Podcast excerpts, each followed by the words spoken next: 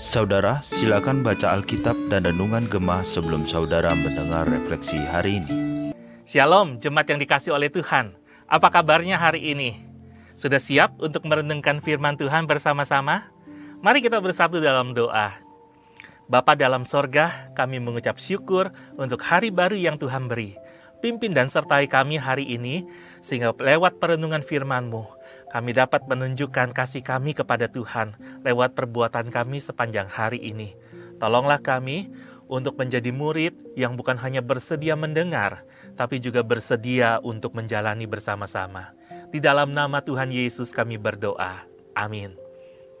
Hari ini saya akan membacakan kitab Ayub pasal 31 ayat yang kelima dan ayat yang keenam. Jika aku bergaul dengan kecurangan, atau kakiku bergegas kepada tipu daya. Biarlah aku ditimbang di atas neraca yang tepat, maka Allah akan mengetahui bahwa aku tidak bersalah. Sedemikian jauh pembacaan firman Tuhan. Ini adalah sebuah pembelaan Ayub terhadap tuduhan dari ketiga sahabatnya, yaitu Elifas, Bildad, dan Sofar. Kalimat dalam ayat yang keenam mengatakan, "Biarlah aku ditimbang di atas neraca yang teliti." Ini menunjukkan kesiapan Ayub untuk diuji. Karena Ayub tahu bahwa seperti ayat keempat mengatakan Allah yang mengamati setiap langkah kehidupannya. Nah, karena ada Allah yang mengamati setiap langkah kehidupannya, Ayub berusaha untuk memiliki sebuah kehidupan yang waspada. Dalam ayat yang pertama, ia mengatakan bahwa ia membuat perjanjian dengan matanya. Ini menunjukkan sebuah komitmen atau tekad untuk menjaga pandangan mata. Bukankah mata adalah sumber informasi untuk hati dan tindakan? Nah, oleh sebab itu, sesuai dengan tema perenungan kita pada hari ini, yaitu kewaspadaan umat Allah, dalam hal apa saja Ayub berusaha untuk memiliki sebuah kehidupan yang waspada. Paling tidak ada delapan hal yang saya temukan dalam pembacaan Ayub pasal 31. Secara singkat, yang pertama, Ayub waspada terhadap dosa perzinahan. Yang kedua, Ayub waspada terhadap dosa tipu muslihat. Yang ketiga, Ayub waspada terhadap dosa menyimpang dari jalan yang benar.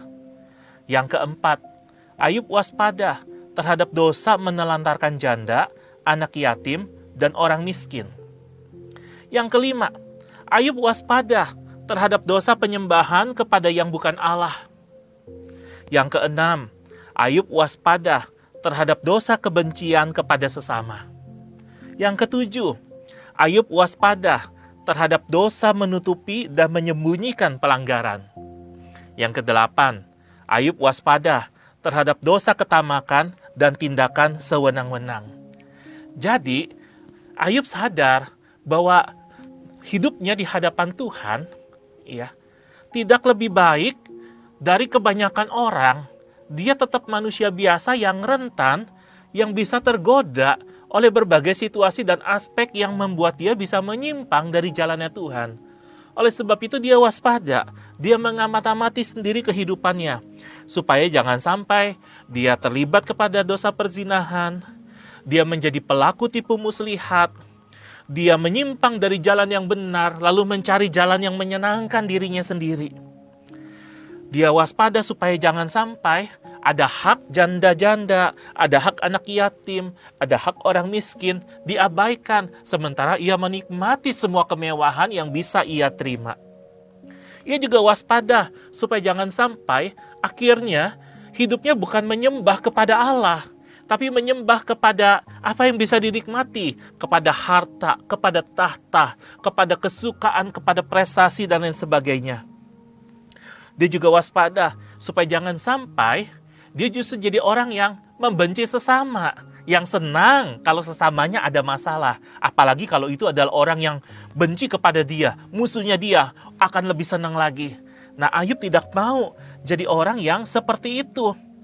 Ayub juga waspada supaya jangan sampai di depan semua orang Dia kelihatannya baik-baik, tapi ternyata dia sedang menutupi kehidupannya yang penuh dengan pelanggaran dan dosa, bahkan menyembunyikannya di hadapan Tuhan.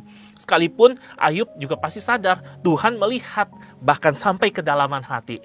Nah, Ayub ingin hidupnya adalah hidup yang terbuka di hadapan Tuhan. Dan Ayub juga waspada, jangan sampai dia jadi orang yang tamak.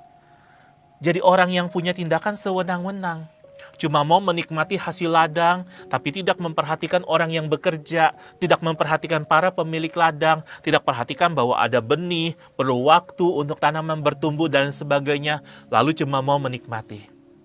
Nah, area-area ini yang Ayub sadari, kalau dia tidak waspada, maka dia pasti akan jatuh. Namun pertanyaannya, bagaimana Ayub bisa menjaga kewaspadaannya? Ayat 37 mengatakan, setiap langkahku akan kuberitahukan kepadanya. Selaku pemuka, aku akan menghadap dia. Jadi, supaya Ayub bisa tetap waspada, Ayub melakukan paling tidak ada tiga hal. Yang pertama, dia menjaga pandangannya supaya fokus kepada Tuhan, bukan kepada dunia.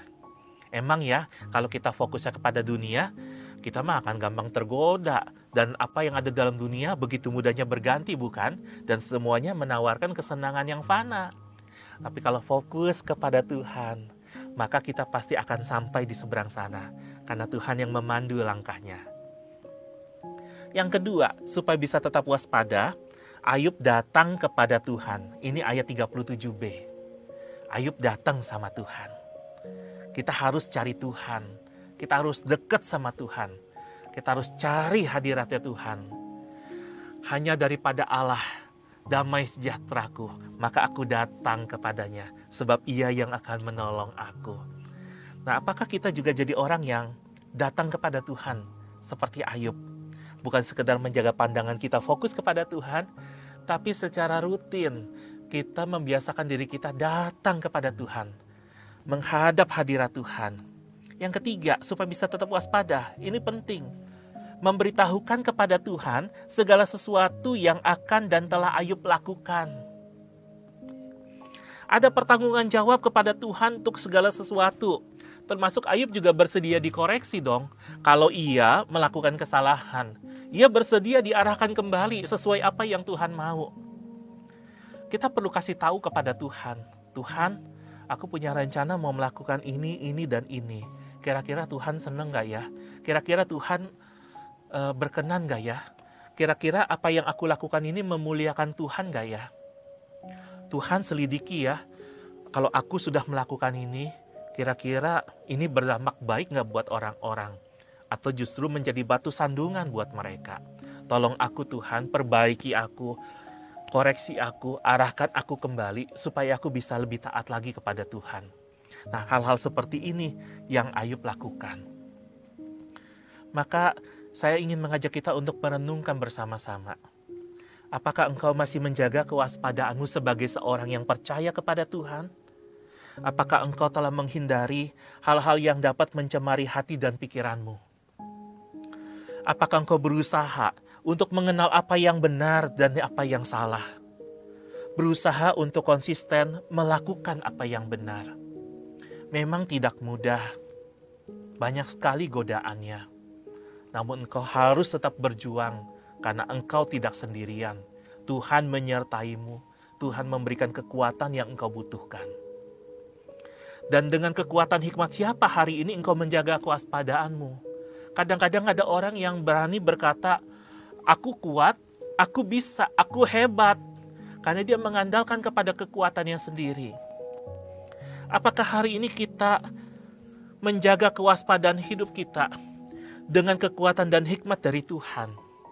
Bukankah Tuhan hadir dalam setiap aspek kehidupan kita? Bukankah Tuhan memperhatikan segala sesuatu yang kita lakukan? Oleh sebab itu, mari kita mohon agar Tuhan menambahkan hikmat bijaksana, supaya kita bisa menjalani sebuah kehidupan yang bermakna. Saudara-saudara yang dikasih oleh Tuhan, yuk kita arahkan kembali pandangan kita kepada Tuhan. Ayo kita datang kepadanya, kita datang ke dalam hadiratnya. Ayo kita kasih tahu kepada Tuhan apa yang akan dan apa yang telah kita lakukan. Kita mohon bimbingan Tuhan supaya kita bisa punya hati, bisa punya hidup yang terus waspada. Saya akan menutup perenungan ini dengan sebuah puisi. Aku waspada, aku berjaga-jaga, agar hidupku tidak hilang arah. Dan menetapkan hati untuk tetap di jalan yang sama, meski jalan sebelah menggoda mata. Aku tetap mengarahkan pandanganku kepada Tuhan, sambil aku berjalan dengan penuh pengharapan, bertekad untuk bertahan, karena Roh Kudus yang memberi kekuatan. Mari kita berdoa. Bapa dalam sorga, kami mengucap syukur untuk kebenaran firman-Mu yang boleh kami renungkan bersama-sama. Tolonglah kami Tuhan, untuk menjaga pandangan kami fokus kepada Tuhan. Tolonglah kami untuk selalu mencari hadirat-Mu. Tolonglah kami untuk selalu ada komunikasi dengan Tuhan, sehingga apa yang akan dan apa yang telah kami lakukan dapat kami serahkan kepada Tuhan, dan Engkau yang memurnikan setiap motivasinya, sehingga kemuliaan hanya bagi nama Tuhan. Tolong kami untuk waspada dan berjaga-jaga dalam ujian dan tantangan hidup yang semakin rumit ini. Biar Engkau memberikan kami kemenangan demi kemenangan. Ketika kesulitan datang menerpa, kami bertahan dengan iman yang setia. Karena Engkau memberikan kami kekuatan sampai kami ada di garis akhir sana. Terima kasih banyak Tuhan, sertai perjalanan kami sepanjang hari ini. Di dalam nama Tuhan Yesus kami berdoa. Amin. Tetap semangat menjalani hari ini Tuhan Yesus menyertai.